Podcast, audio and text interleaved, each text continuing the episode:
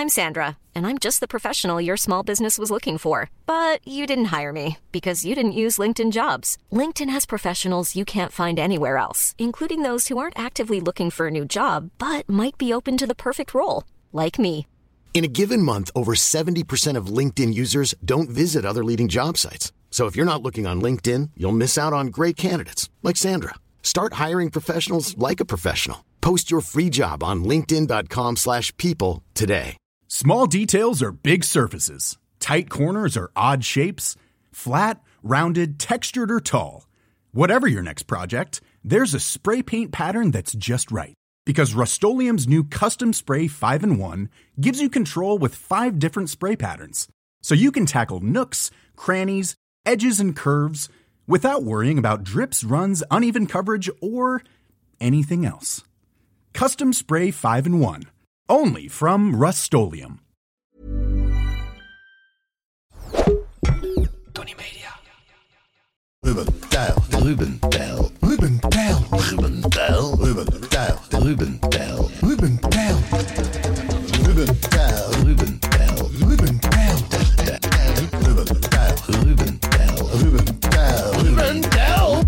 Goedemorgen, goedemiddag, goedenavond of goedenacht, lieve, lieve luisteraar. Welkom bij een nieuwe aflevering van Ruben Tijl. Ruben, De podcast.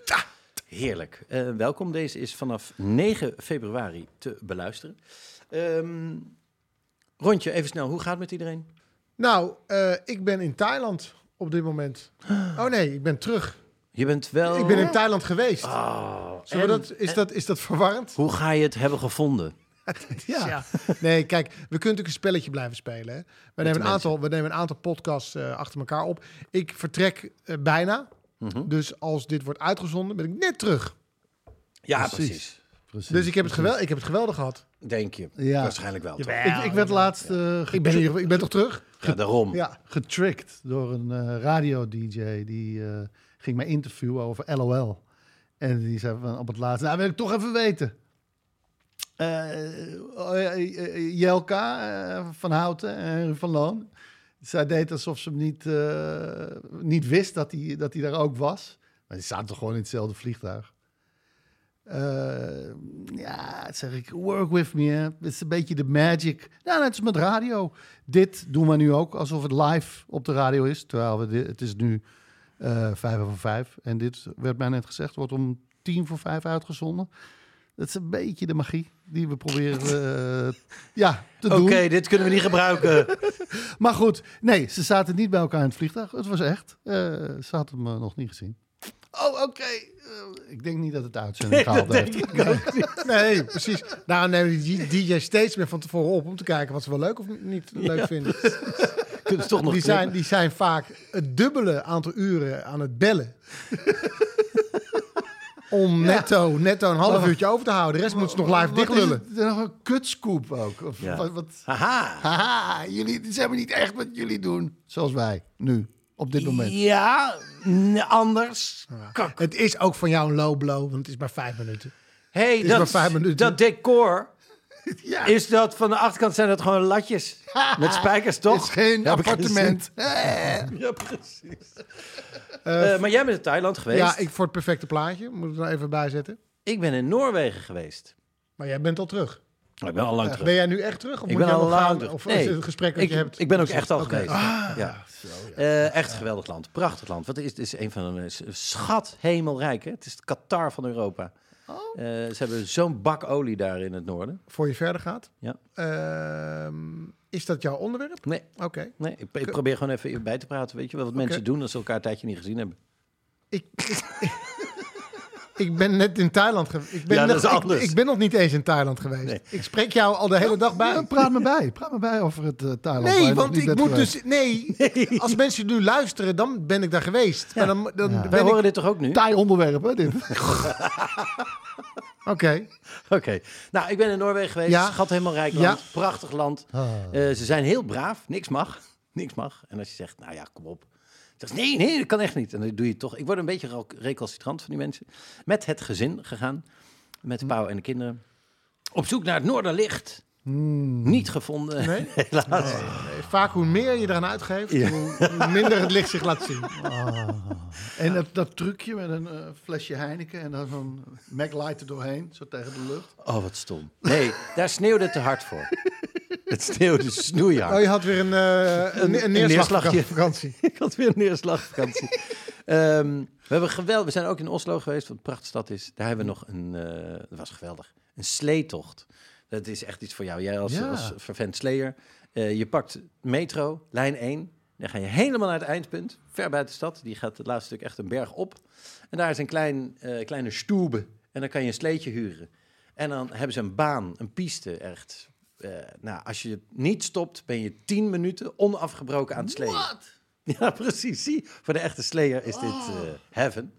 En gewoon, gewoon een houten sleetje en met je nou, hakken een beetje sturen. Ja, precies. Met je hakken sturen. Maar dit waren dan eh, wel van eh, aluminium. Ja. Maar inderdaad met je hakken sturen. En dan kom je uit bij eh metrohalte 4 weer voor het einde. Dus dan pak je hem daar weer omhoog, of 5. en dan kun je nog een keertje. En, dan je nog gaaf. en dan leef je het ding weer en dan ga je weer terug. Dat was superleuk. We hebben een, eh, sk- een sneeuwscootertocht. Toen waren we dus in het hoge noorden. S'avonds laat gemaakt door de bossen. Dat was echt gek. Ja, het is een beetje de jetski eh, Ja, van, de sneeuw. Van de sneeuw. Ja, dat is hem. Eh, verschrikkelijk apparaat. Ja, Ook prachtig. wel leuk. Met twee skietjes voor en een rupsband achter. Ja, ja, ja. ja, En je denkt, oeh, een kuil. Niks. Je merkt er helemaal niks van. Dat is fantastisch. Rendiertocht gemaakt. eh, geleerd over de Sami, de indigenous people van eh, het noorden van Scandinavië. Eh, en we hebben geslapen in een iglo. Nou, jongens, eh, ik word te oud voor dingen. Hebben ze je moeten losbikken? Of ben je losgepist? ja, ze hebben me los moeten plassen. Snel, Nee. meer mensen, meer. Kom, kom. Ik doe even Norna. Ja, Simo, Simo. Het zit ook op je telefoon. Peer Gunther. Peer Günther. Niels Holgersson. Plassen Nee, lus. ze, moesten hem, ze moesten hem met acht man wegpissen. Eh, dat zijn dus iglo's, die worden op een prachtige manier gebouwd. Ja. Eh, en de, in, in het midden van die kamer staat dan een blok ijs. Een gigantisch blok ijs. En daar hebben ze wat rendierenvellen, rendiervellen opgelegd. En dan krijg je een slaapzak. Nou, die, die, die, die- ik heb nog nooit zo'n slaapzak gezien. Eh, je voelt je als een soort hotdog. Zo zit je Met helemaal zo'n ingepakt. capuchon en zo. En eh, dus de kinderen en mijn vriendin, die hebben een heerlijke nacht geslapen op het ijs. en Een avontuur. En ik heb eh, anderhalf uur koortsachtig geslapen en wakker. En dacht ik, voel nou sneeuw op me? Oh, het is, jezus, ik heb in mijn hoofdpijn van de kou. Oh, ik moet een muts op. Waar is die muts? Oh, die ligt bij mijn voet. Oh, oh, ik heb Oh, nu ook pijn aan mijn schouder en mijn been. Mijn been doet pijn. Oh, au, au, au, au, au. En toen je Au, eindelijk au, sliep, werd je wakker. En toen, en toen waren er acht Eskimo's die op je aan het pissen waren. Nee, maar... De hele het- nacht Iglo-service bellen. Eh Iglo-service, eh, ik wil graag wat te eten. Ja, waar ligt het, waar ligt het menu? Heeft Ja. ook een lekkere kop chocolademelk. Ja, ze hebben alleen maar vissticks. En toen ben ik uiteindelijk om half vijf heb ik mijn eh, verlies gepakt en ben ik weer het hotel ingelopen en heb ik me daar op de bank genesteld van de open haardkamer. En daar heb ik eh, de rest van de ochtend uitgezeten. Want toen dacht ik, oh, hier kan ik nog wel inslapen. Ah, toen was ik een beetje moe aan het wegdommelen. Heel veel fel licht opeens in die kamer. Want de gordijnen waren niet echt, eh, Ja. het waren niet echt gordijnen. En ze gingen alvast het pad voor, de, voor het hotel gingen ze alvast schoonmaken. Met een shovel. Met een shovel met, een extreem veel licht. Maar jij kan toch alleen nog maar naar Best Westerns eigenlijk? jij kan toch alleen nog maar de dingen aan die je, waar je gewoon gelijk op de wifi bent. Een groot dik, Als bed, het groot maar- dik hoog bed. Als het maar begint met menu. best. Ja, Dat is niet eens western, als het maar begint met best. Kussenmenu. ja, en lekker eh, Nee, Amerikaanse chardonnay en een hamburger. En, Dat is eh, geweldig. Ja, en, en poker in de kelder. Ik heb nog één vraag voordat we beginnen. Eh, er hangt een campagne door de stad hier bij ons. Jullie zullen misschien gezien. De, de slogan is. de slogan is. Je kunt hem bijna ruiken. Ah, doe ik. Je kunt hem bijna ruiken. En wat denk je dan aan? Nou, precies. Eh, ik zal zo vertellen welke foto erbij hoort. Maar wat zou, welke foto zou daar nog meer kunnen? Ik speel deze even door aan Ruben van der Meer. Je kunt hem, je kunt hem bijna ruiken. Ja, dan zie je toch... eh, nee. Ik zie iemand ik met een blik bonen. Nee, ja, ik, Iemand die een blik bonen naar binnen aan het werk is. Je kunt hem bijna ruiken. ja, maar dat, Ik, zag, ik dacht ook eerst aan een scheet, maar een scheet is onvoorspelbaar. Ja, Mhm. Ga eens door. Nee, een scheet, is, heeft een, een scheet heeft een hele eigen identiteit, een eigen wil. En is, is, Dat is wel waar, hè? Want je Ja. hebt verschillende Ja. karakter Nee, window. Nou, je kan bijvoorbeeld een scheet hebben die zegt... Ik kom eraan en ik, word, ik ben hard. ja. En dan komt hij. En dan is dan, eh, dan, dan ja, dan, is een plopje. dan zoeft hij weg. Of je, kan, je hebt ook, en dat zijn de ergste scheten. is een heel kleintje. Je hebt een heel klein, een heel klein scheetje. Haha, ninja. Maar de ergste scheten zijn, vertra- dat zijn de betra- die praten ook. Ehm, hallo, je kunt mij laten. Eh, ik zal onopvallend en geurloos Voorbij gaan. voorbij gaan. Als een zucht. En die komen eruit als junks. Als je verslaafde broer die je voor iedereen verborgen hebt gehouden. ik ben Harry de broer van Ruben. Ik ben slaaf. Heroïne, cocaïne, bezig. Terwijl jij zei, oh god. Nee, mijn accountant komt, zei ik. Dat zijn de ergste scheten. De scheten die zeg maar een, een appel doen op... Ik weet, je wil het, maar ik garandeer je... het is geurloos. Ja, Je kunt hem bijna ruiken. ja ik, ik dacht dan toch aan eh, twee oude mensen. Ja, die kun je ook af en toe ruiken. Maar dat is niet um. Zeg gewoon wat je denkt Um. en dan... Nou, Nee, hij- zeg, knippen nee we maar dat zeg gewoon en dan knippen we het eruit. Ja, Oké, dankjewel. Dat is eruit geknipt. en het was precies wat ik dacht dat, dat jij dacht. Gadverdamme. Je kunt, van Meer. ik zie jouw neus. Ik zie het helemaal voor me hoe je het beschreven hebt. Met je neus zo er- er dicht tegenaan. in die luier. Het is een klein... Uh, bah. Oké, wat is het? Het is een kom soep van u. Unox is toch niet onze sponsor, eh, Jacqueline? Of En, Janine? eh, maar Nee, mocht hè? het onze sponsor zijn, dan Ehm, zullen we deze... Dan zouden we het ook zeggen, want hier wordt alles gezegd. Nou Ja, een goede slogan. het is een belachelijke slogan. Je kunt, Je hem bijna- kunt hem bijna ruiken. Ja. En het is een kom erwtensoep. Ja. Dit is toch... Ja. Ja, dat iemand daarvan heeft gezegd, dat is een goed idee. Die, die slogan gaan we nemen. Nou goed. Ehm, we hebben het met elkaar over wat er voorbij is gekomen in de dagen dat we elkaar niet gezien hebben. Wat heeft ons geïnspireerd? Wat heeft Ja. ons ge- geïrriteerd? Wat heeft ons gemotiveerd? Ja, eh wanhopig gemaakt? Het maakt niet uit wat het is, als het een goed verhaal is. Eh, tipje van de sluier, Ruben, waar, eh, Nou, waar kom jij eh, mee? eh, jij was in Noorwegen, ik was in eh, Denemarken. Wauw. En eh, ja, ja, ik, eh, ja, ik Kopenhagen, eh, nee, we zaten in eh, Vigor. Vigo, Viborg. Viborg. Viborg.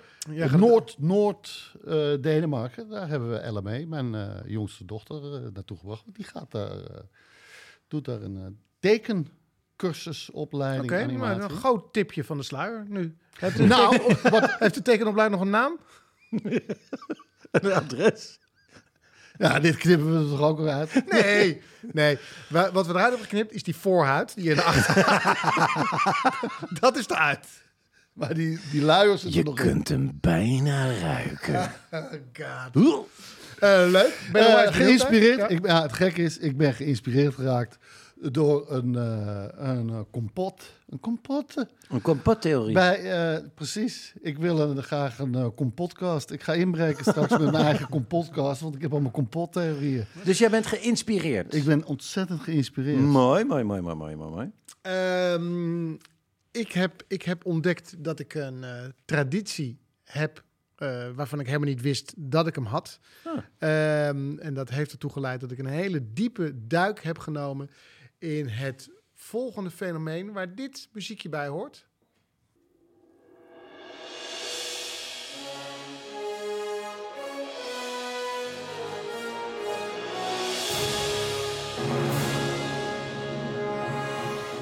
Wat een gigantische tipjes. Ja, Zal ik even zeggen wat ik doe? nou, Nou goed, op Vertel bladzijde gewoon 1. even. Heel even. ehm, wat is jouw grootste irritatietel tijdens het autorijden?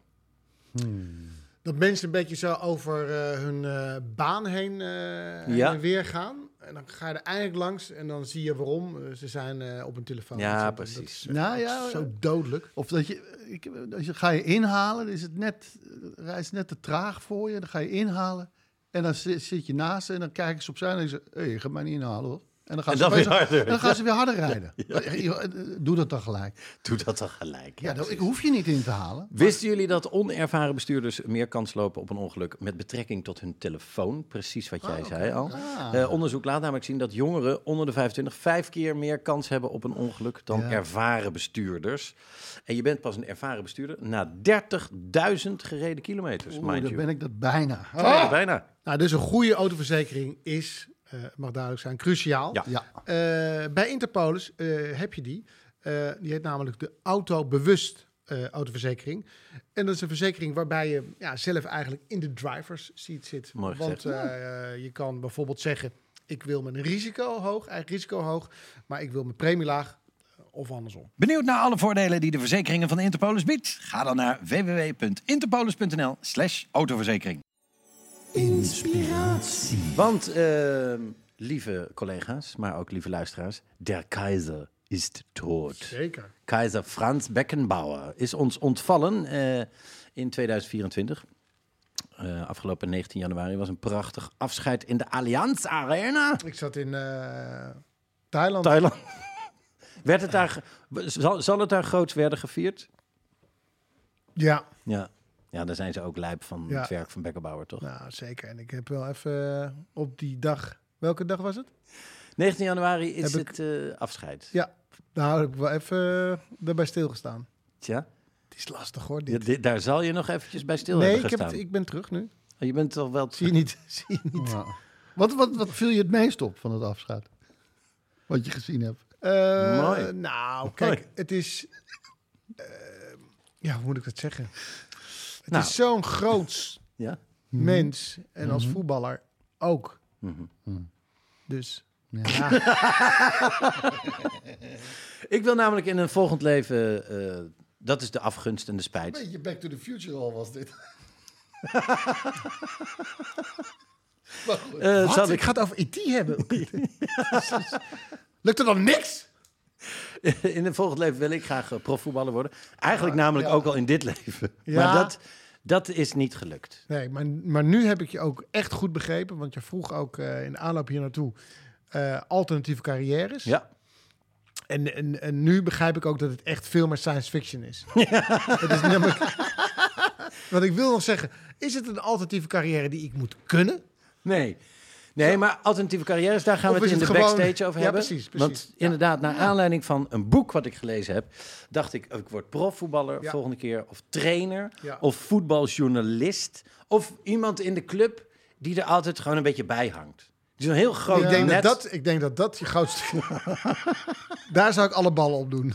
Ja. Met zo'n iets te strak trainingspak. en Bobby. zo'n heel groot net met ballen erin. Ja, Ja, met een ouderwetse naam. Ja, maar niet echt materiaal, maar dat er echt ook een, een echt beroep op gedaan.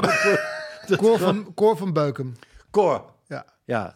Of, je- eh, of De neut. Ja, precies, een gekke bijnaam. Jaapie de Neut. Ja, Ja. de Ik denk dat- meeuw. Ik denk, dat dat nog, ik denk dat serieus dat in dit leven nog kan. Oh ja? Ja. Van een kleine... Nou, van een daar wil ik het over hebben ja. in eh, de backstage, alternatieve carrières. Eh, maar zoals ik zei, ik heb een boek gelezen van eh, Michel van Egmond. U allen wel bekend. Een hele goede vriend van mij. Eh, oh, is het serieus? Ja, ik ken hem wel. In het rijtje Tom Cruise? Nee, oh, zeker niet. Zeg maar, Tom ga ik... Ja. Ja. andersom. En ook veel langer terug. Naakt- Eh, naakt armpje drukken. Michiel is wel eens bij mij thuis geweest. Ah, En noemde je hem toen Michiel of Michel? Ik zei, nou, in, in, inbreker noemde ik hem zo. hey, mannetje. Ja.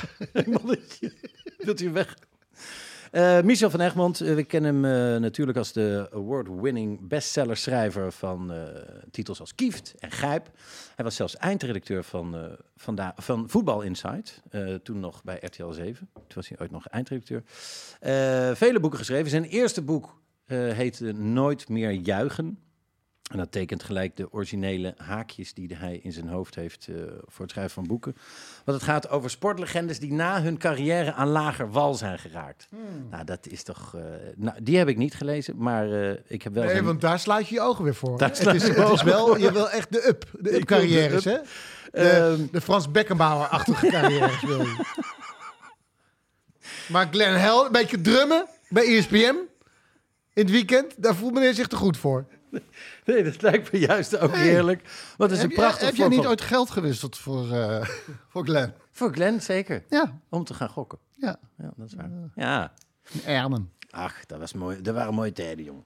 Ehm, maar de Nooit meer juichen was zijn eerste boek. En ik bespreek vandaag graag met jullie zijn meest recente boek. Voetbal kijken met Van Basten. Het is een heerlijk boek. Heerlijke, korte verhalen. Het is echt heerlijk geschreven. Ehm, hij schrijft gewoon heel leuk. En eh, dat wordt ook aangehaald in het voorwoord van eh, Wilfried de Jong. Eén zinnetje bijvoorbeeld, dan eh, beschrijft hij hoe, het is, hoe hij zich voelt als hij een kater heeft. en die hoofdpijn die beschrijft hij. Het, het voelde alsof ik met een te kleine brommerhelm was gaan slapen. Dat is die? Je voelt hem meteen. Ah, als je een kleine helm afdoet. Ah, oh, die bonk, die blijft nog even na. Eh, heerlijk geschreven. Het is een heerlijk inkijkje in de voetbalwereld. Bomvol onvervaste, onvervaste, heerlijke voetbalhumor, anekdotes. En het eindigt met één lang kort verhaal over Feyenoord. En of je nou fan bent of niet, dat ontroert gewoon. Het is echt, echt goed geschreven. Ik eh, vlieg er even met jullie doorheen. Even wat leuke highlights eruit. En sommige highlights zal ik eh, niet bespreken, maar de rand die daarin genoemd wordt, die zal ik dan wel even eh, als extra voetbalkennis, want die heb je soms even nodig. Maar over voetbalkennis gesproken, eh, hij begint met, eh, want dan denkt hij ook, ja, waar, waar, moet ik allemaal een boek over schrijven? En dan zegt hij even de dingen die hij allemaal wist die hij weet. En waarmee hij zich ook typeert onder de rest van de voetbaljournalisten. Ik wist bijvoorbeeld dat de Noorse verdediging Svein Grundalan ooit een interland tegen Finland moest missen, omdat hij bij het joggen was aangevallen door een eland. Ik wist dat oud-Ajaxiet Hans Boskamp bevriend was met John Lennon. Ik wist dat in Italië als protest tegen de vervroegde aanvangstijden ooit een spandoek aan de hekking waarop stond 12 uur 30 is lasagne. Ik wist dat Loekie de Leeuw, die van de sterreclame, is vernoemd naar oud-oranje aanvoerder Loek Biesbroek. Wist ik ook niet. Ik wist dat Cruijffs voormalige vriend Michel Basilevich, die eh, me zo opgelicht heeft met al dat geld, een schandaalboek dreigde uit te geven dat Cruijff de Satan moest gaan heten. Ik wist ook eh, wat de supporters van Leyton Orient scandeerden toen hun club de getalenteerde maar kleine buitenspeler Dean Cox, bijnaam Tiny, had aangetrokken. Toen zongen zij, We've got Tiny Cox, we've got Tiny Cox, we've got Tiny Cox. Ik wist dat het geboortehuis van Martin Jol op het panorama Mestdag te zien is. Ja. Ik wist hoe Frits Korbach de schoonheid van zijn vriendin omschreef. Daar kun je dus ook gewoon bij daglicht mee over straat. Ik wist, ah, kijk jou even aan. Ik wist wat de Braziliaanse verdediger Luis Pereira tegen de pers zei toen zijn bondscoach voorafgaand aan het WK 74 een verbod op seks afkondigde. Had hij boos gezegd. En dit moet ons wereldkampioen maken? Wereldkampioen in wat? Masturberen? Masturberen bedoel ik. Ik kende de woorden die Ruud Krol sprak tegen een journalist toen die informeerde naar eventuele buitenlandse interesse. Nou, eh, ik kan dus naar kan dus. Hij kan naar kan. Ik wist wat Ruud Heus tegen Edwin van der Sar zei toen hij hem bij het nemen van een strafschop probeerde te intimideren. Terug, Jork in Flappy. en dan omschrijft hij zichzelf het best. Ik wist heel andere dingen dan de gemiddelde tv-analyst. Eh, dat zijn eh, diverse feitjes. Ehm, ik ga jullie eventjes vertellen van eh Rijkaard en Gullit in gesprek met een interviewer. Ehm, waar het zo mooi het verschil wordt eh, getypeerd tussen Gullit en Rijkaard. Gullit natuurlijk ook de bravoure, de man die graag de aandacht opzocht. En eh Rijkaard natuurlijk het tegenovergestelde. Interviewer, alles was nieuw hè, voor jullie drieën in Milaan. Gullit, ja natuurlijk, we moesten nog van alles leren. Om onszelf goed te kleden bijvoorbeeld. Marco heeft dat nooit echt opgepikt, zoals we allemaal weten. Nog steeds niet trouwens. Dat is bij hem een heel langdurig proces, zegt die interviewer. Maar vertel eens over die heldenverering in het Milaan van die jaren. En zegt Gullit, het was niet normaal. Ik kon niet eens even snel kleren kopen in de stad. Want dan moest ik altijd weer hals over kop via de achterdeur die winkel uit. Het enige moment dat je even jezelf kon zijn, was in de auto. Totdat ze je ontdekten, want dan gingen ze om je heen cirkelen, toeteren en werd het alsnog een gek huis. Wanneer ik in een restaurant aan het eten was, stonden er duizend mensen voor de deur. Moest ik van de politie naar buiten en gedag zeggen, omdat ze anders niet vertrokken en het complete verkeer ontregeld raakte. Even zwaaien en dan gingen ze weer weg. Komt hij? En dan wordt hij door een hele coole eh Rijkaard ingekopt. En hoe was dat voor jou, Frank? Voor ons viel het wel mee. Marco was ongelooflijk bescheiden voor zo'n grote voetballer en bovendien niet gek op interviews en aandacht. Dus hij zocht de luwte op. Ik ook. Allebei vonden we het heerlijk dat Ruud in ons elftal zat. Ruud heeft namelijk één geweldige eigenschap. Hoe meer aandacht en hoe groter de spanning, des te groter hij ook zelf wordt. Hij trok daardoor alle aandacht naar zich toe en werd zo onze buffer. Dat ging heel natuurlijk. Marco en ik waren meer van de rust. Ikzelf zat meestal gewoon thuis. Dan belde ik wat rond om door te geven waar Ruud die dag kleren ging kopen. of in welk restaurant hij precies uit eten ging. Zodat er tenminste wat mensen op straat zouden staan voor hem. Vond ik geestig. De dacht mij, ik heb eh, op de HAVO gezeten in Doorwerth. Hadden wij in de klas ook iemand die bij Vitesse voetbalde. In, eh, hij eh, was veelbelovend toen nog, maar bij de jeugd. En die had ook altijd van die voetbal, voetbalhumor. Die vaak ten koste van iemand ging, maar zo grappig was. We hadden zo'n eh, clubje met eh, wat vrienden. En één daarvan die was verliefd op een meisje. En die zat ook bij ons in de klas. En eh, wij stonden bij de, op het schoolplein bij de kantine, bij de ingang, bij de deur. En daar kwam zij aanlopen. En dus iedereen wist, oh, eh, Erik, daar komt je vriendin aan. En op het moment dat zij ons passeert, roept die eh, jongen die in de jeugdvoetbal bij Vitesse tegen die jongen die verliefd op haar is: Wat? Heb jij wormen? nee, nee, nee. Nee. Ah, ah, hou op. Dat was de voetbalhumor die ik kende. Ehm, we hebben het nu de hele tijd over eh, spelers die naar Saoedi-Arabië gaan, naar een, een voetbal-analfabetenland. Eh, eh, ik vind het belachelijk dat de grootste talenten naartoe gingen. Dit is in de jaren zeventig gebeurd met Amerika.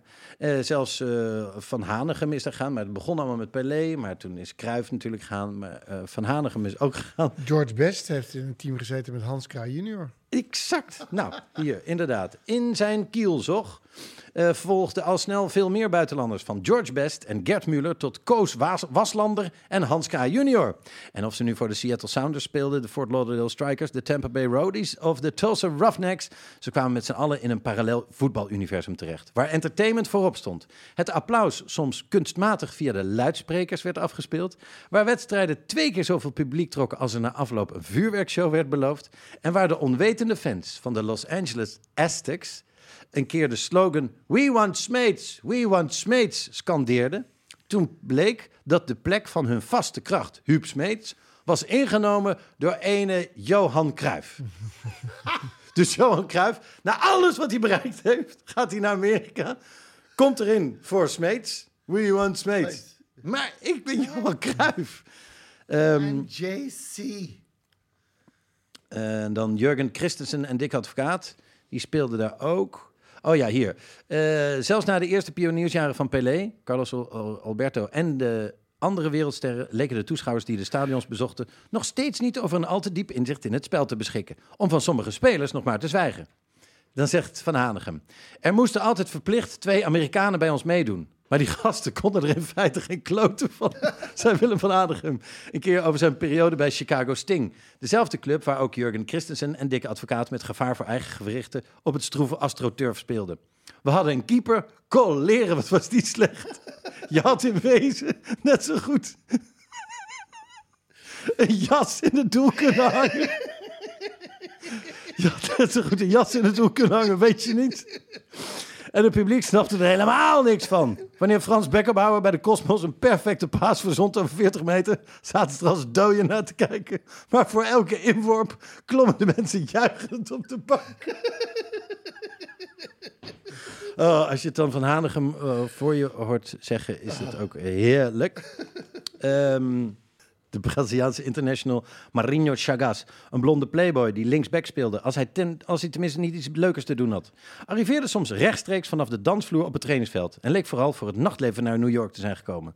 Superspits Giorgio Cinaglia, de voormalige doelpuntenmachine van Lazio Roma, die de gewoonte had om na de wedstrijd een zijden kamerjas aan te trekken en met een glas Chivas Regal en een sigaar de pers te woord te staan. Dat was een trotse Italiaan, zo licht ontvlambaar als de Etna zelf. En die zich met zijn recalcitrante gedrag in eigen land onmogelijk had gemaakt. Eh, het beschrijft ja, zo leuk de, de avonturen van dat soort voetballers... die inderdaad voor het geld nog een keertje moeten doen.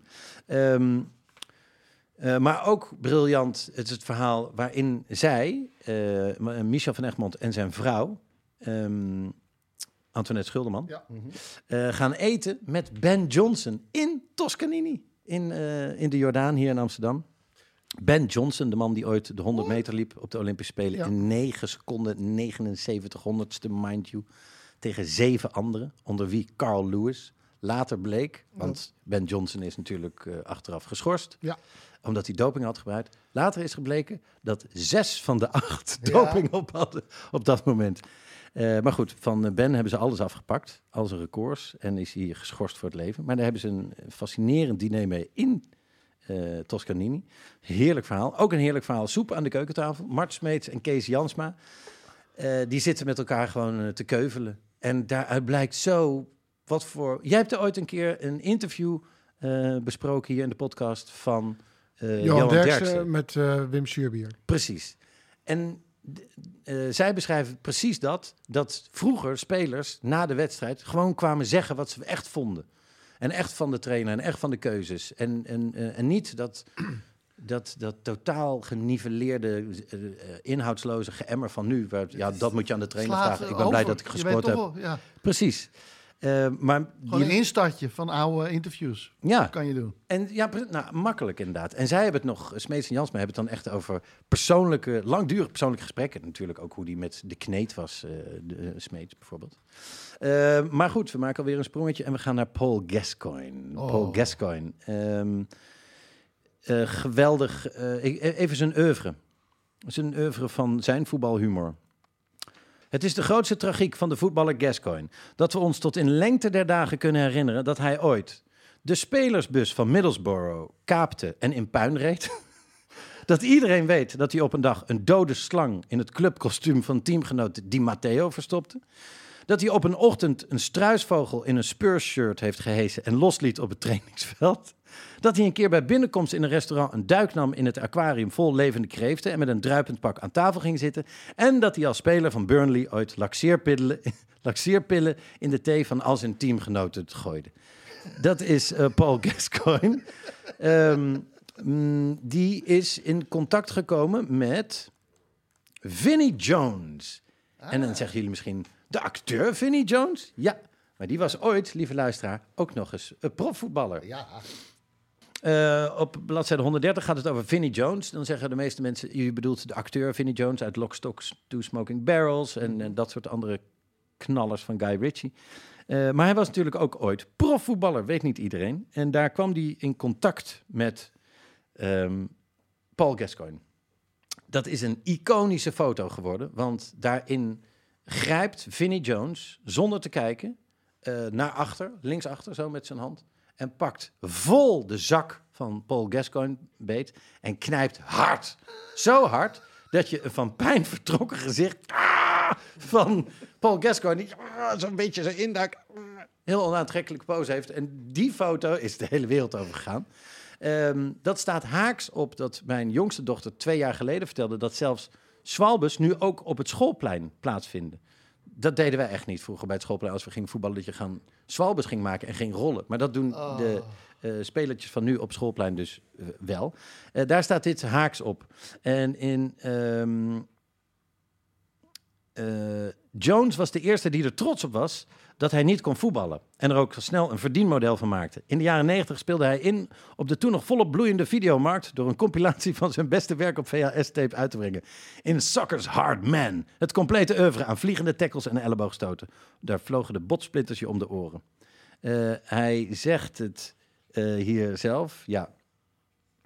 Eh, Gascoigne, die zou van tevoren in de wedstrijd tegen Vinnie Jones hebben gezegd... As we were jostling, he suddenly said to me... Now, you're earning your uh, 100 quid today. Jij krijgt je 100 pondjes vandaag, want eh, je wordt even lekker aan het werk gezet.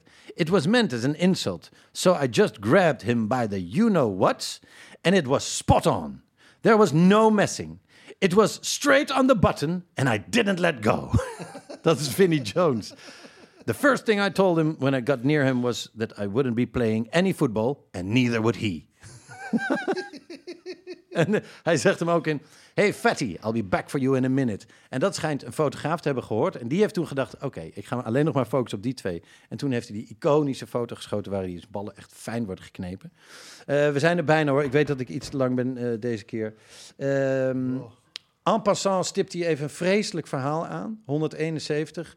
De Escobar, kennen jullie die nog? De Colombiaan die per ongeluk een eigen doel maakte. Zeker, zeker. Colombiaanse verdediger.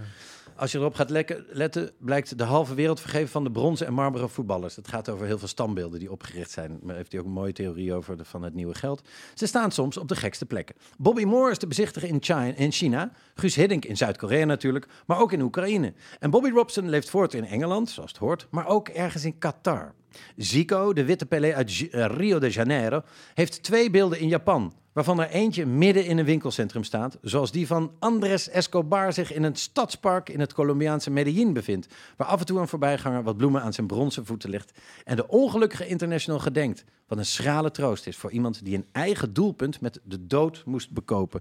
We schrijven 22 juni 1994. Hij maakt een eigen goal in de wedstrijd tegen de Verenigde Staten. Wat ook de organisator is van het WK. eh, in de 2-1 verloren wedstrijd. Dat is op 22 juni. 2 juli, dat is tien dagen later, gaat hij uit in Medellin. Zijn manager zegt, doe het niet. Zijn ploeggenoot zegt, doe het niet. Maar hij gaat naar Medellin uit. Het is leuk, hij heeft gezellig contact met de feestgangers. Maar dan zien ze wie het is. Hij wordt ontdekt en wordt hij eerst beschimpt. Worden grapjes over hem gemaakt. En later ontaart dat toch in een ruzie. Er wordt gezegd dat hij achtervolgd is. Hij verlaat het pand eh, en eh, stapt de auto in op de parkeerplaats. Daar wordt hij achterna gezeten. Hij schijnt nog geroepen te hebben vanuit de auto. Het was een eerlijke fout. Eh, en dan een zin die ik van het internet heb gehaald, wat op dat moment volgt. Een toch al gespannen situatie escaleerde. Escobar werd met zes kogels in het hoofd neergeschoten en overleed ter plekke. Dat vond ik een vrij heftige escalatie voor een ruzie. Zes kogels door zijn hoofd. Die vader zegt, nee, zo is het helemaal niet gegaan. Het is, een, het is geen uitgelopen ruzie. En uiteindelijk, in 2018, krijgt hij het eh, gelijk aan zijn hand... en wordt er bewezen dat het een opdracht was van een kartelbaas... die door dat eigen doelpunt vele miljoenen is misgelopen... en daarom hem heeft laten vermoorden. En bij elk eh, schot werd namelijk ook gezegd... goal, goal, goal, goal, goal, goal. Zo is hij zes keer in zijn hoofd geschoten. Goed, daar gaan we niet mee eindigen, want we willen eruit met een upje.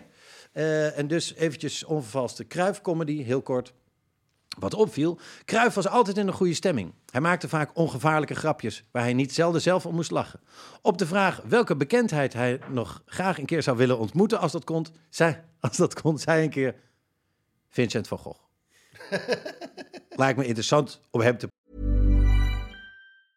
I'm Sandra, and I'm just the professional your small business was looking for. But you didn't hire me because you didn't use LinkedIn jobs. LinkedIn has professionals you can't find anywhere else, including those who aren't actively looking for a new job but might be open to the perfect role, like me. In a given month, over 70% of LinkedIn users don't visit other leading job sites. So if you're not looking on LinkedIn, you'll miss out on great candidates like Sandra. Start hiring professionals like a professional. Post your free job on linkedin.com/people today. Praten. Of schoon, je dan natuurlijk wel aan de goede kant moet gaan zitten, waar dat ene oor zit. dat vond ik komisch. Ehm, en, je doet hem goed na, man. Dankjewel. Maar ik doe eigenlijk Viggo Waasna die Johan Cruijff nadoet. Zo is het iedereen. Ja, maar goed. Ehm, het eh, gaat dit boek kopen. Het is een heerlijk boekje. Voetbal kijken met Van Basten. Het, eh, het gaat nog meer over Cruijff natuurlijk. Nog wat ik zei, een schitterend laatste verhaal over Feyenoord.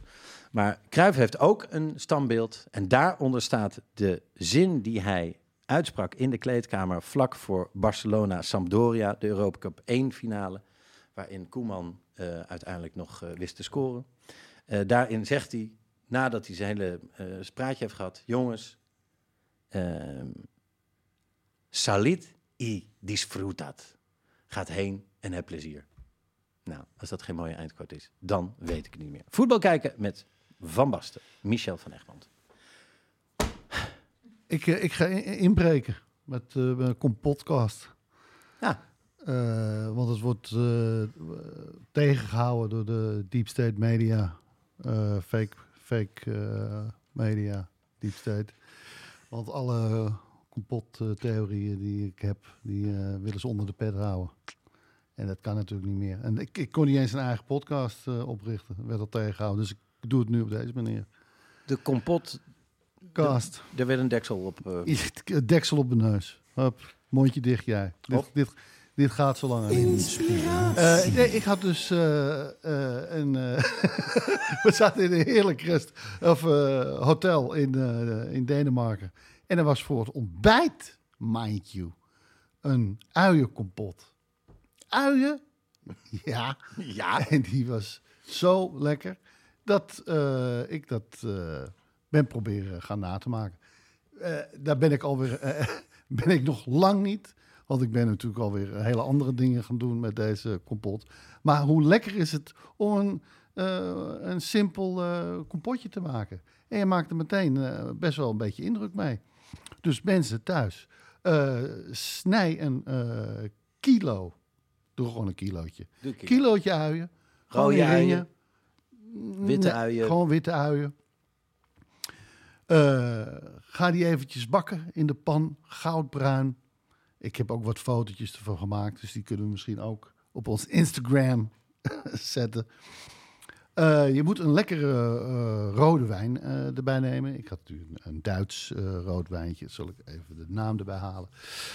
Dat is dan eh 400 eh, milliliter. Vond ik wat veel Spitburgunder. vond ik wat veel. Is, ik zou eerder gaan voor eh, 300. Want het, het, het bleef een beetje te nat, vond ik. Ik had deze Brownwell Holland Cuvée. Eh, rode wijn. Eh, prima wijntje. Maar daar kan je ook lekker bij variëren. Het is eigenlijk dus vrij simpel. Ehm, zes eetlepels rietsuiker. En daar komt mijn kompottheorie. Vervang drie eh, eh, van deze rietsuiker met appelstroop. Bam. Bam. Bam. En nog een ander dingetje wat je kan doen. Gedroogd chilipepertje erin. Of twee. Nee, naar smaak. Want eh, iets pittigs, dan gaat je, gaan je smaakpapillen open. En dan komt het, de smaak nog beter binnen. En dan kan je het gaan kruiden. Nou ja, eh, we zitten in de winter, dus een sterrenijs is lekker. Kruidnagel is lekker. Joh, maak het jezelf gemakkelijk en begin gewoon met een, eh, een half theelepeltje Five Spices. Eh Johnny Boer heeft een heel goed eigen merk eh, Five Spices. Maar je kan ook gewoon de huistuin, weet je, gewoon wat Ja. bij de Chinezen ook eh, gebruikt wordt. En ik heb een klein kaasplankje en dan kunnen we oh, deze kompot even gaan testen. Ah, kijk nou. Nou ja, zeg. Dat doet me denken aan... eh, was, was Cas Spijkers de eerste tv-kok? Ja, wel een van de eerste. Ja. Die zei toch altijd voilà? Voilà, ja, Want jij had nu ook zo'n moment. Want dan zei hij... Voilà. Nou, en de lasagne, moet je dit en dan moet je dat doen. Nou, ik heb er al een voorbereid. Ja, hop. Ja, maar dan heb ik het niet gezien. Ja, dat vond ik altijd. Nou, voilà. Het hoofdgerecht En is als klaar. Spijkers was ook een eh, tv-kok die in een, in een grijs kokstenu op een gegeven moment stond te koken. Als er iets onsmakelijk uitziet, is het een grijs. donkergrijs. Je wil gewoon wit, want Ja. daar zie je Vlekken, niet donkergrijs. Het was, was verschrikkelijk. smuzzelig. Voilà. Eh, Dit is zelfgemaakte uikompot. dit is een zelfgemaakte uienkompot. Nou, Rupie. Pak jij even lekker een puntje. Of weer. Kaas uit vuistje. Ja, ja, ja, ja, ja, ja. ja. Snij- beginnen we met, dacht ik, met de, eh, gewoon een simpele roombrie. Hop. Want dan, eh, ja, daar is de, de, de smaak gewoon vrij plain. En als je dan de, de kompot erop gooit, dan proef je echt even goed die kompot. Eh, dan heb ik daarna een eh, ja, echt een goede oude kaas. Ja. Die is al wat meer spicy en Zou je zo. het alsjeblieft met je pink willen aanwijzen?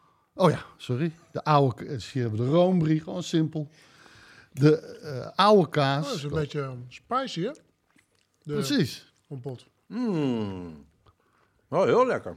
Precies. Eh, Het is toch meteen, meteen, Ja. hop, zo'n simpel eh, brietje gaat meteen, wop, lift, Heerlijk. lift omhoog. Hier, deze is natuurlijk al wat zouter, veel eh, smaakvoller, deze oude kaas. Gaat hij heel goed bij, omdat Dankjewel. ook lekker zoet is. Dat vind ik een lekkere combi, dat zoete en het zoute. En als laatste heb ik een kruidnagelkaas. En dan gaan die smaken echt... Hoe ze zeggen ze dat? Die koks, die botsen dan tegen elkaar op. Die sterrenijs en die, en die, die kaas en die kruidnagel. Die, Dit was echt fucking lekker. Ja, vind je Ja, die oude kaas met dit is echt geweldig. Geweldig, toch? Ja, ik zat Hoeveel dus... heb je gemaakt van dit soort potjes? Ik, Ik was aan het vissen naar een cadeautje. Merkte je dat? Was het opvallend? Doe je nog eens met die kaas? Ah! Heb je die kaas nog nodig hierna? Ik moet die kaas. want ja, Thanks, man. jullie zijn ook liefhebbers van eh, Zeker, nou, hartstikke lekker, lekker. eten. Sterker nog, ik had dus drie potjes en ik had nog één. Ik heb gisteren een cheeseburger gemaakt. De cheeseburger nog even onder de grill gelegd met een goede eh, belegen kaas. En dan dus deze kompot als...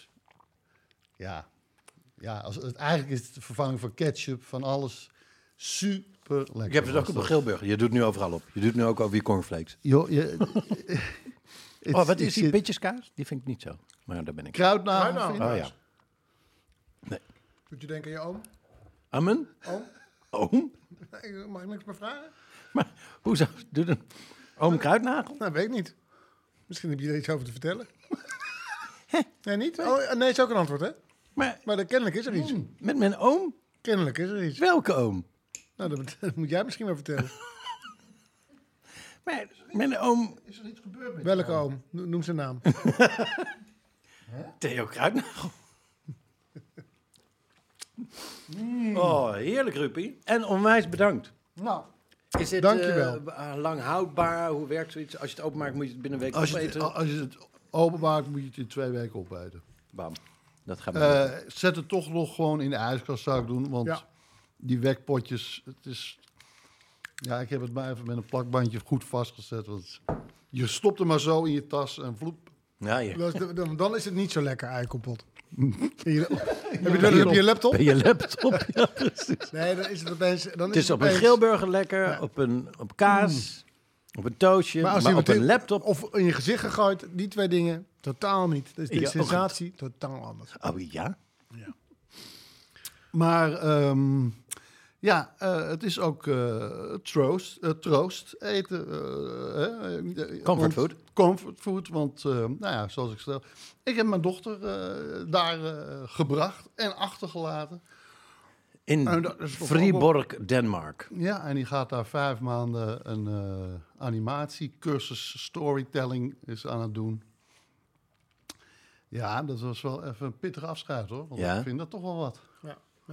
Dus, maar eh, hey, super, super spannend. En, en, en, en hoe dapper dat ze Ja. dat eh Ja, want het is gaat nog doen. geen 18. Nee, het is nog maar, eh, ja, het is bijna acht. Augustus, hè? Augustus, ja. En ga je er tussendoor opzoeken? En men, nou, ik was in de buurt. Eh, ik moest hier toch zijn. Nee. Ik zat, hey, hey Viborg, hey, ze, zit, ze heeft een eh, kamer vlak bij het eh, stadion. Hey, eventjes kijken waar die nu, eh, misschien komen ze Ajax nog wel tegen ergens. eh. zou toch heel toevallig zijn, of wie anders. misschien eh, doen ze nog ergens mee in een league. City. hey, ja, we gingen naar de wedstrijd. Ja, ik wa- was Ja. hier toevallig. Nou, ik was toevallig hier. ik koop hier altijd mijn uien. Van Ja. mijn uien kapot. Maar, Heerlijk, eh, ja, nee. En, eh, ik, so ik, ik, ga, ik, ik ben me helemaal weer eh, gaan storten op... ja, ik, ik, ik, wil dit, ik wil dit perfectioneren. Want die, die daar, die, die ui kapot was... Die ui waren zo lekker gekarameliseerd. Dat moet ik nog echt uitvinden hoe dat is gedaan. Dat was gewoon een soort jam. Dat, dat, kan, echt, dat kan echt op boterham en pindakaas. Dat was zo geweldig lekker. Maar goed, ik eh, vind dat ik al... eh, Heel erg Goed, geslaagd. goed en Zeer op weg ben. geslaagd. En die kaas, die krijgen we er ook bij. Ja, tuurlijk. Nou, zie je. Soms moet je gewoon vragen wat je wil. En, en de 50 euro per persoon ook. Nee, Stuur nee, een dat- tikkie. Dat is belangrijk. Hey, ik mag een tikje sturen. Het gaat echt super. Vraag meer. Klasse, Nee, Ruppie. dat Hartelijk was, dank. eh, Ja, toch? Ehm, in de wintervakantie heb ik wederom de Back to the Future trilogie gezien. En ik had berekend dat het voor mij inmiddels de negende keer was. Eh, dan wordt het, wordt het ook pittig, dacht ik. Want ja, ik weet exact wat er gaat gebeuren. Ja. Ehm, maar goed, toen ben ik over gaan nadenken waarom ik hem dus weer voor de negende keer aan het kijken was. En ik realiseerde mij dat ik Back to the Future nou, vlak nadat hij in de bioscoop was geweest, eh, gezien heb. Namelijk in Den Haag, in, bij mij in de straat, in het Klokhuis. Dat was het, dat was het buurtcentrum. En ik realiseerde me nu pas eigenlijk hoe, hoe fijn het was. Want kennelijk ging ik dus eh, niet naar de bioscoop om mijn 11e, 12e. In ieder geval, mijn, mijn ouders namen mij zeker niet mee naar de bioscoop. Nee. Ehm, en dan werd dat toch naar het buurthuis gebracht. En, Wat waanzinnig. en daar heb ik hem dus gezien. Heeft heel veel indruk op mij gemaakt.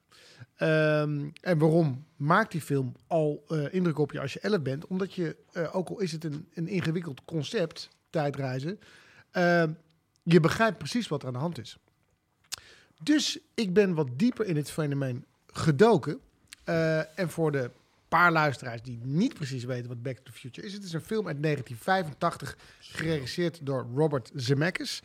Bestaat uit Back to the Future 1, 2 en 3.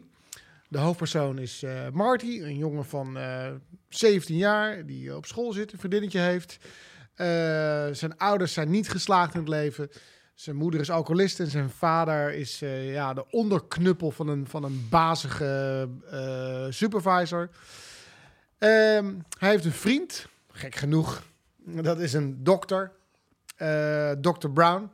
En die heeft een tijdmachine uitgevonden. En daar, daar begint de film eigenlijk. Want die tijdmachine heeft een soort radioactief eh, eh, f- benzine nodig. Eh, dat heeft deze dokter gestolen van Libische terroristen.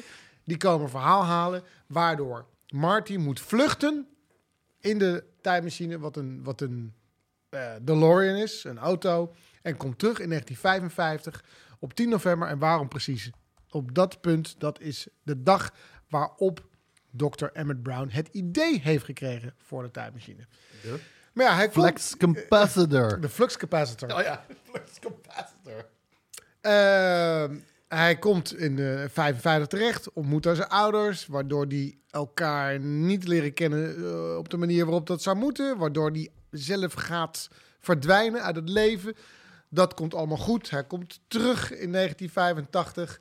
Eh, in deel 2 is er iets mis met zijn kinderen, waardoor de dokter uit 2015 inmiddels terugkomt om Marty te halen om dat op te lossen. Daardoor gaat er iets mis met een gokalmanak, waardoor de aardsvijand van eh, de familie Biff ehm, een, eh, eh, heel rijk wordt. Er komt een alternatief, een alternatief 1985, waarin Biff al het geld heeft. Zo Trump. Ja, en Marty, en Marty en Doc als enige weten dat, er een alt dat dit een alternatief, alternatieve toekomst is. Eh, ook dat lossen ze weer op, maar door een fout van de tijdmachine belandt eh, Doc in 1885 in het Wilde Westen. Ja, en dan is het niet zo makkelijk terugkeren, want daar hebben ze helemaal niks aan elektriciteit. Eh, plutonium. Waar ga je het halen? Ja. Die, trilo- die trilogie behoort tot, nou, eh, eh, officieel in Amerika, eh, Library of Congress eh, is hij geregistreerd, is, is cultureel erfgoed. Eh, ik heb hem denk ik in mijn jeugd in ieder geval twee keer gezien. Toen ben ik hem met Bente gaan kijken, twee keer. Toen met Fine, nu al voor de derde keer. Eh, dat ga ik dus ook met Vaas doen en met DD. Dus ik blijf die film maar opnieuw kijken. En ik wilde toch voor mezelf achterhalen ehm, waar, waarom dat zo is. Er zal toch iets bijzonders... Er wordt al over het algemeen al gezegd dat het de, de perfecte film is. Maar als je in de, in de boeken duikt, wat ik gedaan heb... ehm, eh, Robert Zemeckis en ehm, eh, Bob Gill, twee jeugdvrienden, hebben hun hele carrière geprobeerd om een succesvolle film te maken. Eh, dat lukte niet. Maar er was één iemand die ze goed vond. Dat was Steven Spielberg. Dat kwam omdat Robert Zemeckis, eh, nadat Steven Spielberg met Jaws was doorgebroken eh, en een groot kantoor had, had Robert Zemeckis zich langs de eh receptioniste gekletst en hem een korte film laten zien. En Steven die zei, ik zie, ik zie het in jou en je partner zitten, dus ik blijf in jullie geloven. Maar zij voelde dat zij alle twee alleen maar flops aan het maken waren en eh, die films mochten maken omdat Steven Spielberg in hen geloofde. Dan maakt Robert Zemeckis toch één goede film, namelijk eh, Romancing the Stone. Eh, hij was handpicked daarvoor door Michael Douglas. Ja. Ehm, was een groot succes. En daardoor kon hij eindelijk met zijn film komen. Namelijk het idee Back to the Future. Wat al 40 keer, mind you, 40 keer was afgewezen door studio's. 40 keer. Want eh, er werd gezegd... ki- de kinderen houden filmen van seks, zoals eh Porky's Pikante Pretpark. Ehm, ja. eh, er is nog nooit een, een, een, een time machine film geslaagd. Het is niet het type comedy wat gaat werken. Disney vond het te incestueus, want hij ontmoette zijn moeder, die verliefd op hem was. Dus er waren honderden, Ja. honderden redenen waarom het werd afgewezen. Ehm, maar nu zou die eindelijk gemaakt worden. En het mooie is, die film is ontstaan uit twee ideeën. Robert Zemeckis, ehm, die kwam erachter dat zijn vader eh, klassenvertegenwoordiger was eh, geweest. Of in een soort, niet klassenvertegenwoordiger, maar een soort Amerikaanse term. Een soort, Ja. eh, Je weet, Dat kun je voor, voor stemmen dan. Precies, precies. Iets wat, wat we in Nederland hebben, maar een soort principle, iets, eh, in ieder geval iets voor nerden. Ja. En hij Ja. vroeg zich af, eh, zou ik bevriend kunnen zijn met mijn vader? Ehm, eh, want ik weet nog in mijn tijd zo'n jongen die die functie had op school en dat vond ik een eikel. Dus hij vroeg zich af, zou ik, zou ik, zou ik buddies kunnen zijn met mijn eh, vader? En Bob Gill, Class president. Class President. Ja. exactly. En Bob Gill, de co-schrijver van Back to the Future, die vertelde dat zijn moeder altijd wisselende verhalen vertelde over haar jeugd. Dus die was benieuwd hoe het nou echt zat. Ehm, dus dit was hun basisidee. Ehm, ze kregen, eh, ze mochten hem produceren inmiddels bij de studio van Steven Spielberg, die het niet ging financieren. Dat werd iemand anders. Degene die ging financieren, die zei ook: Ik wil niet de titel Back to the Future, want dat bekt niet lekker. De film moet heten ehm, Spaceman from Pluto.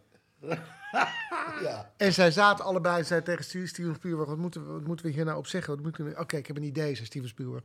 Eh, stuur hem eh, via je assistent een memo terug met... eh, hey Sid, read your memo about the title. Had a big laugh. Keep them coming. In de hoop dat hij zou denken, oh ze denken dat het een grap is. Hoe, dan, Ah. Laat ik maar doen dat het een grap is. Dan, dan Dat, begin ik wel, dat is ook wel slecht eigenlijk. De film gaat gemaakt worden voor 38 miljoen dollar. Dat is best een hoop geld. Dat is, Eh, voor die tijd was het toch nog een, voor wat ze wilden, een krap budget. Maar dan nog, als je zo'n film kan maken, is echt waanzinnig. Ehm, de eerste keus was natuurlijk Michael J. Fox, maar die kon niet. Die zat in een comedy-serie, Family Ties. Mega populair. En de producent daarvan zei, no way dat ik hem ga laten gaan.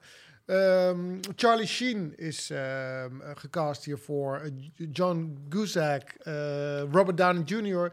Uiteindelijk, op advies van een geldschieter, werd het... Eric Stoltz. Eric Stoltz, thank you. Eric Stoltz. Dus ze gaan draaien met Eric Stoltz. Maar Eric Stoltz is een method actor. En die wil ook buiten de opnames om Marty genoemd worden, zoals eh, de hoofdpersoon. Maar Eric Stoltz is geen comedy-acteur. Dus die maakt er een hele duistere, donkere figuur van. eh, weinig comedy-timing. En die Robert Zemeckis zegt, ja, ik wil die film zo graag maken. Dus ik dacht, ik, ik I manage. Ik Snij ik wel omheen. krijg het er wel uit. En ze gaan één week in productie, twee weken, drie weken. Bij, bij week zes denken ze, ah, het, het, dit, het werkt gewoon niet. Het werkt gewoon niet. We moeten Michael J. Fox, we moeten, hem, we moeten hem hebben. Maar hoe gaan we dit nou doen? Want we moeten en hem ontslaan na zes weken. Na zes weken. Wat gaat dat kosten? Dat kost 4 miljoen aan, aan draaidagen. Die Eric Stoltz moet volledig betaald krijgen. En we moeten alsnog Michael J. Fox, die we al niet konden krijgen, binnenhalen. Toch wel, En toch als, wel. dat, als dat al niet lukt, dan hebben we, we hebben niks straks. We hebben straks een kutfilm. eh, of we hebben iemand ontslagen van een kutfilm en we krijgen niet een nieuwe hoofdrolspeler. Ehm, ze smeken de producer van The Family Ties om Michael J. Fox alsjeblieft te laten gaan. De producer eh, haalt hem eh, vlak voor kerst binnen. Zegt tegen Michael J. Fox, luister. Ze zitten, met name Steven Spielberg, zo op een nek voor deze film. Als jij het wil doen, dan doe je het naaiopnames. Dat betekent, je staat hier van 8 tot 6 in de studio. Dan ga je naar de, naar de set. Doe je alle night shoots tot 4 uur s'nachts. En de volgende ontsta je hier weer. En alle day-shoots doe je in je weekenden. Dus hij heeft, hij heeft in die periode back-to-back gedraaid. Van 8 uur s ochtends tot 4 uur s'nachts. Hij sliep in een, op een matras in de auto die hem heen en weer bracht.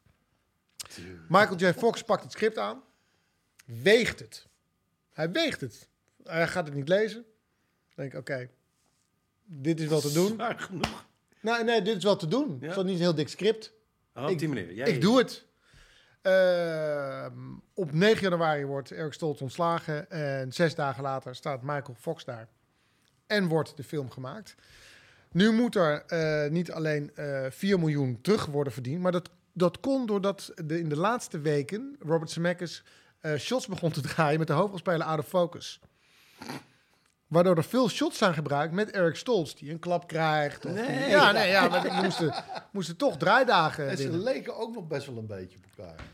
Een beetje hetzelfde lengte. het- het- Eh, en het idee was dat die eh, DeLorean zou alleen kunnen tijdreizen door een nucleaire ontploffing. Ja. En ze moesten een, eh, een of ander nucleair militair terrein oprijden. en dan zouden ze door de tijd kunnen reizen. Maar de producent zei, er moet nog 5 miljoen af. En toen zijn ze gaan nadenken, hoe kunnen we dat nou doen? Hoe kunnen we dat nou doen? En toen kwamen ze met het idee van... Back to the Future. Het gaat over tijd. Tijd moet een rol spelen. Het is de klok. Het is de klok van het stadhuis. Waarvan ze weten dat de bliksem gaat inslaan. Want ze hebben een flyer waarop staat dat de klok... En, en dan doen we gewoon daar elektriciteit uit. En zo reis je weer terug in de tijd. En doen we alle actiesequence gewoon op dat ene plein. Ja. Nou, zo gezegd, zo gedaan. Ehm, de film werd eh, eh, helemaal eh, afgedraaid.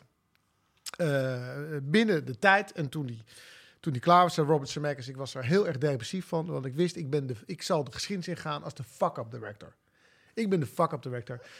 De enige die me goed vond was Steven Spielberg. Ik heb nooit een goede film gemaakt. Ik heb maar kans na kans gekregen. Nu ook weer verkeerd gecast. Ik dacht dat ik, dat ik het toch kon, kon, kon flikken. Eh, het is me niet gelukt. Het is, het is gewoon een kutfilm. Het zal een kutfilm eh, zijn en niemand zal hem goed vinden. Het werd, de perfe het werd de perfecte film genoemd. Een rough cut ging naar een test audience en het testte door het dak. Mensen vonden het geweldig, vonden alles. Steven Spielberg was erbij, hij zei de lach die het kreeg was niet normaal. Er is nog wat, eh, er is nog zeven minuten uitge- uitgeknipt. Toen werd het eh, vertoond voor de studio. En de studio zei gelijk, oké, we, we gaan nu, eh, we, gaan hem, we gaan hem eerder uitbrengen. We gaan voor het 4th of July weekend. Want dan hebben we nog meer kans op, een, op, op, op meer zalen. Dus hij werd op 4 ju- juli uitgebracht. Stond gelijk op nummer 1. National Lampoon met eh Chevy Chase heeft nog van de troon gestoten. Maar toen stond hij er na negen weken op één. Het werd, de, het werd de, de meest verdienende film uit 1985. Eh, Zo'n groot succes uiteraard. Hij eindigt met... ehm, To be continued. Ja, en dat was het idee van, weet je, het gaat allemaal verder. Weet je, eh, de, de avonturen gaan verder. Maar heel veel mensen dachten, oké, er, komt, er komt nog een deel. En het was natuurlijk zo'n succes. Hij kostte 38 miljoen. Hij bracht 400 miljoen op. Dus die producent zei... Ja, to be continued. Nog En toen zeiden, toen, zeiden, toen zeiden Robert Zemeckis en Bob Gill... Nou, we weten nog niet. Oh, oké. Eh, maar we gaan het doen. Dus met jullie of zonder jullie? Oh, Ja, werkt dat Dan zo? denk ik, ja, dan denk Ja. ik wel.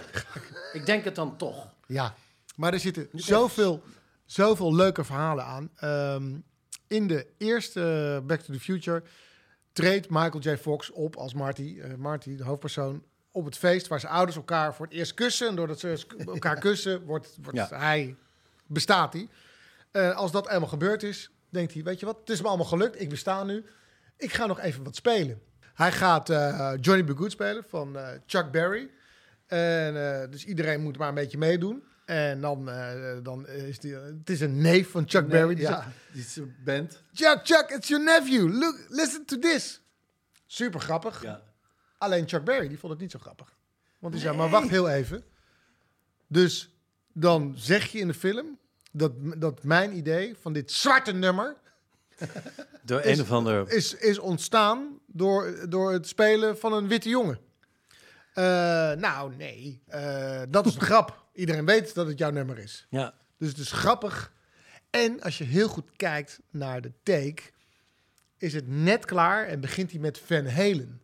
Dus Eh, Chuck Berry kan het natuurlijk helemaal niet echt gehoord hebben. Maar goed, dat is besides the joke. Ja, precies. Eh, maar wat Chuck Berry ook eh, niet leuk vond, was dat in die tijd... het was niet zo gewoon dat zwarte bands voor zo'n feest gevraagd werden. Ja. Het is 1955, het is een all-white Ja, audience. ja, ja. Eh, het kwam een dag voor het draaien rond voor een bedrag van 50.000 dollar. Maar het is wel een key scène. Ja, zegt het wel. En daarna 360 miljoen winst maken. Precies, precies. Ehm, hij, ehm, de Marty moet zijn vader bereid vinden om zijn moeder te vragen naar de, naar het, de prom. Maar dat, Ja, wil, maar ja. dat wil die vader niet. Dus hij overvalt hem s'nachts eh en doet alsof hij een, een alien is. En doet hem een koptelefoon eh, op die hij mee heeft gekregen. Walkman. Zo'n Walkman. En hij draait hele harde muziek. Dat is ehm, Van Halen. Van Halen, ja. Dat heeft Eddie Van Halen zelf ingespeeld. Eh, want de Van Halen band wilde niet. Dus op het cassettebandje staat ook heel duidelijk Edward Van Halen. Er kon niet Van Halen op staan.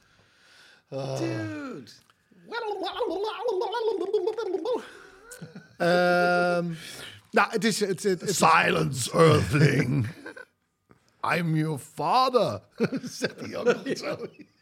maar als je, als je naar de documentairetjes kijkt en de dive in, eh, Ja. in eh, Back to the Future... Wij, wij hebben ook nog een keer een vraag bij Echt Waar behandeld eh, over Back to the Future. Over wat was eerst het plan voordat het de DeLorean was.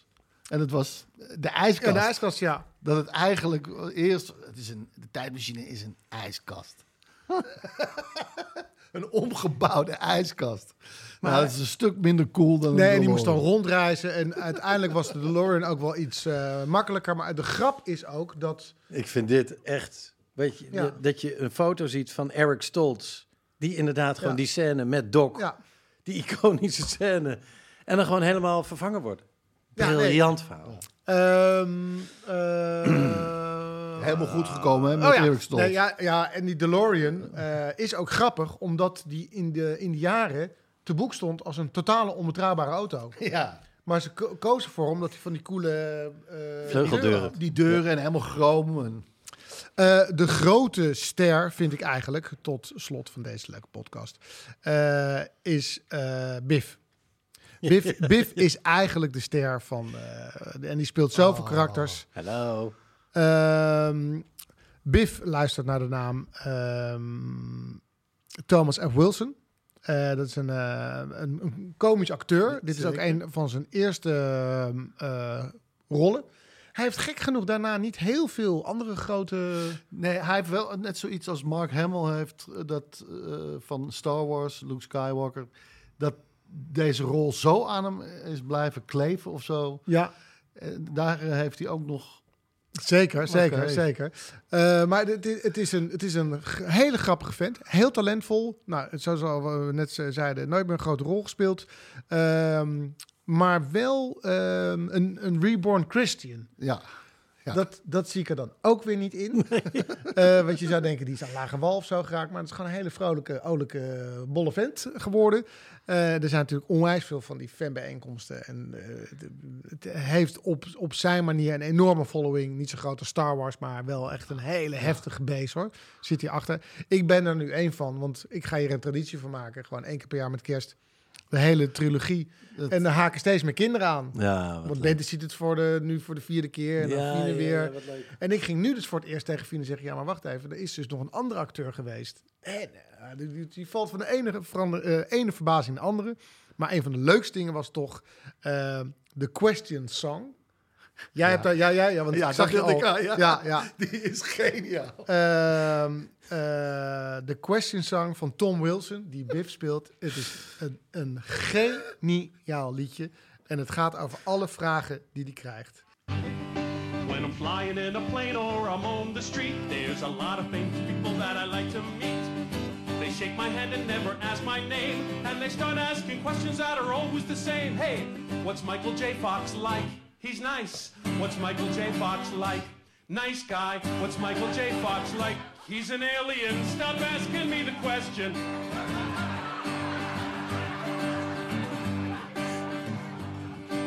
I went to the bar mitzvah of my nephew Josh. Now I'm not Jewish, but I like to nosh. Put on my yarmulke, started to pray. When the rabbi leaned over and I heard him say, Hey, was that real manure? No, it wasn't. Was that real manure? No. Was that real manure? It's a movie. Stop asking me the question.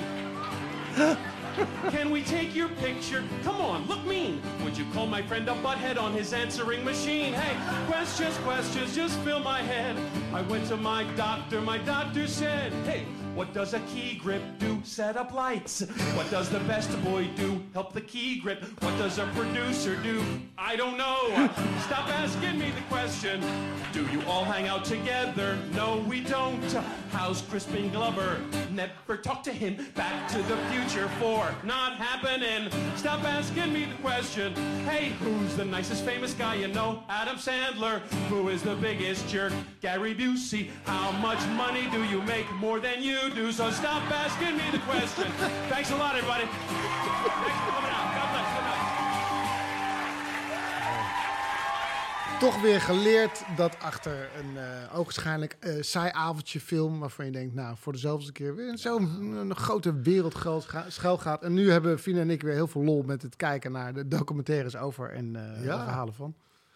Geweldig. Ja, ik, het was een van mijn eerste videocassettes. Oh, die ben ik vergeten. Eh, ja, het was niet alleen een succes natuurlijk in de bioscoop. ja, Maar, hallo. Ja, eh, eh, de, de- de- van de eerste release werden 450.000 eh, VS-cassettes verkocht. Voor 98 dollar. Oh, man. 98 dollar. Want, want wij kennen alleen maar nog de unit van een... Ja, je huurt een film voor een tientje of voor 5 euro. Ja. En een film koop je voor 20. Ja. Maar ze hadden toen berekend... Nee, je kijkt er met z'n... Nou, op zijn minst met z'n tienen. Ja. Dus sommige films, er waren zelfs films die voor 400 of 500 dollar werden verkocht. Want dan had je de film. Alsof, je, alsof je de... de- Daarna een bioscoop kon beginnen. precies. Ja. Maar, maar dat, is giga- dat is heel veel. 450.000 voor 98 dollar. Ja. nou ja, en dat is het hem dus. Eh, zoveel eh, videofilms had ik nog niet. Dus ik denk dat ik hem wel 30 keer heb gezien. Ja. Nou ja, we, we gaan kiezen. Dit heb ik. En dan wees ik weer naar die zes banden. heb jij Back to the Future? Yep. Let's go. Gaan we weer. Let's go. Yeah. Taan, taan, taan, taan, taan, taan, taan, taan. Oké, Ja. Eh, we gaan richting de backstage. Althans, eh, we sluiten af voor deze week. Deze vrijdag, 4 uur, vaste prik. Om de twee weken de reguliere podcast. Volgende week om 4 uur staat hij online. De backstage. Ja, en in die backstage gaan we het hebben over alternatieve carrières. Mm, Dus wij geven straks antwoord op de vraag: wat dachten wij vroeger te worden? Eh, wij geven antwoord op de vraag: wat zou je willen worden als je alles mag doen, behalve dat wat je nu doet? Ehm, en dan gaan wij ook nog eens even kijken of wij eh, misschien welke rol wij zouden. Stel je voor, we hebben een voetbalclub. Welke rol we dan daarin zouden spelen. Mij- genoeg, genoeg om over te praten. De, de backstage is vanaf eh, volgende week beschikbaar. En, eh, en hoe? Ja, wil je die nou ook beluisteren? Dat kan. Dan, daar hebben we wel geld voor nodig, van jou. Dat geld moet van jou Ja. naar mij en dan verspreid ik het weer over de jongens. Ja, ja. Dat is al trouwens een paar maanden niet ge- Zip, zip Dat it. is al een paar maanden Want wij, jij hebt alternatieve carrières in, maar we zouden het over alternatieve geneeswijzen hebben. Ja. Ja. Oh, en en hebben we dat even gelezen, wat je allemaal als alternatieve geneeswijze bedacht had. Ja. Wees maar blij. En dat gaat dus geld kosten, dus dat Precies. moet ik inleveren aan jou. Oh, ja, ja, ja. Ik begin het wel te snappen. Oké. Het was toch invest een investering? Nou ja. Oh ja, investeer. Nee, maar we Heb jij dat nooit, tegen hem we gaan het gezegd? Nooit... Maar ik, dit- Ehm, dus luister met ons mee eh, bij Petje Af. Eh, ga naar petjeaf.com slash Rubentel Ruben. Voor 2 euro extra heb je dan twee podcasts per maand erbij. Eh volg ons eh, voor leuke snippets eh, op Instagram, @rubentelruben of TikTok, @rubentelruben. Ah, ja, daar ben ik weer. We hebben ook een, niet oké. we hebben ook een YouTube kanaal. Ja, youtube.nl. Precies. Nou, zo fijn dat jullie weer terug zijn. Eh, en volg ons op, ons, eh, op jullie favoriete pod. Volg ons op jullie favoriete podcast app eh, om direct de bel te krijgen van een nieuwe aflevering. En vergeet niet sterren te geven. Stare away. Heel graag. Dank voor dit moment en graag tot een volgende keer. Ciao, ciao.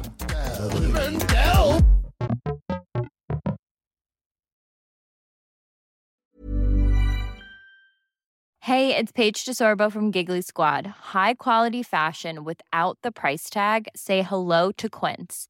I'm snagging high-end essentials like cozy cashmere sweaters, sleek leather jackets, fine jewelry, and so much more. With Quince being 50 to 80% less than similar brands. And they partner with factories that prioritize safe, ethical, and responsible manufacturing. I love that. Luxury quality within reach. Go to quince.com slash style to get free shipping and 365 day returns on your next order. Quince.com slash style. This message comes from BOF sponsor eBay. You'll know real when you get it. It'll say eBay Authenticity Guarantee. And you'll feel it.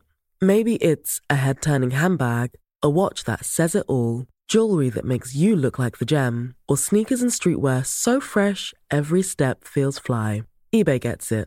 So look for the blue check mark next to that thing you love and be confident that every inch, stitch, sole, and logo is checked by experts.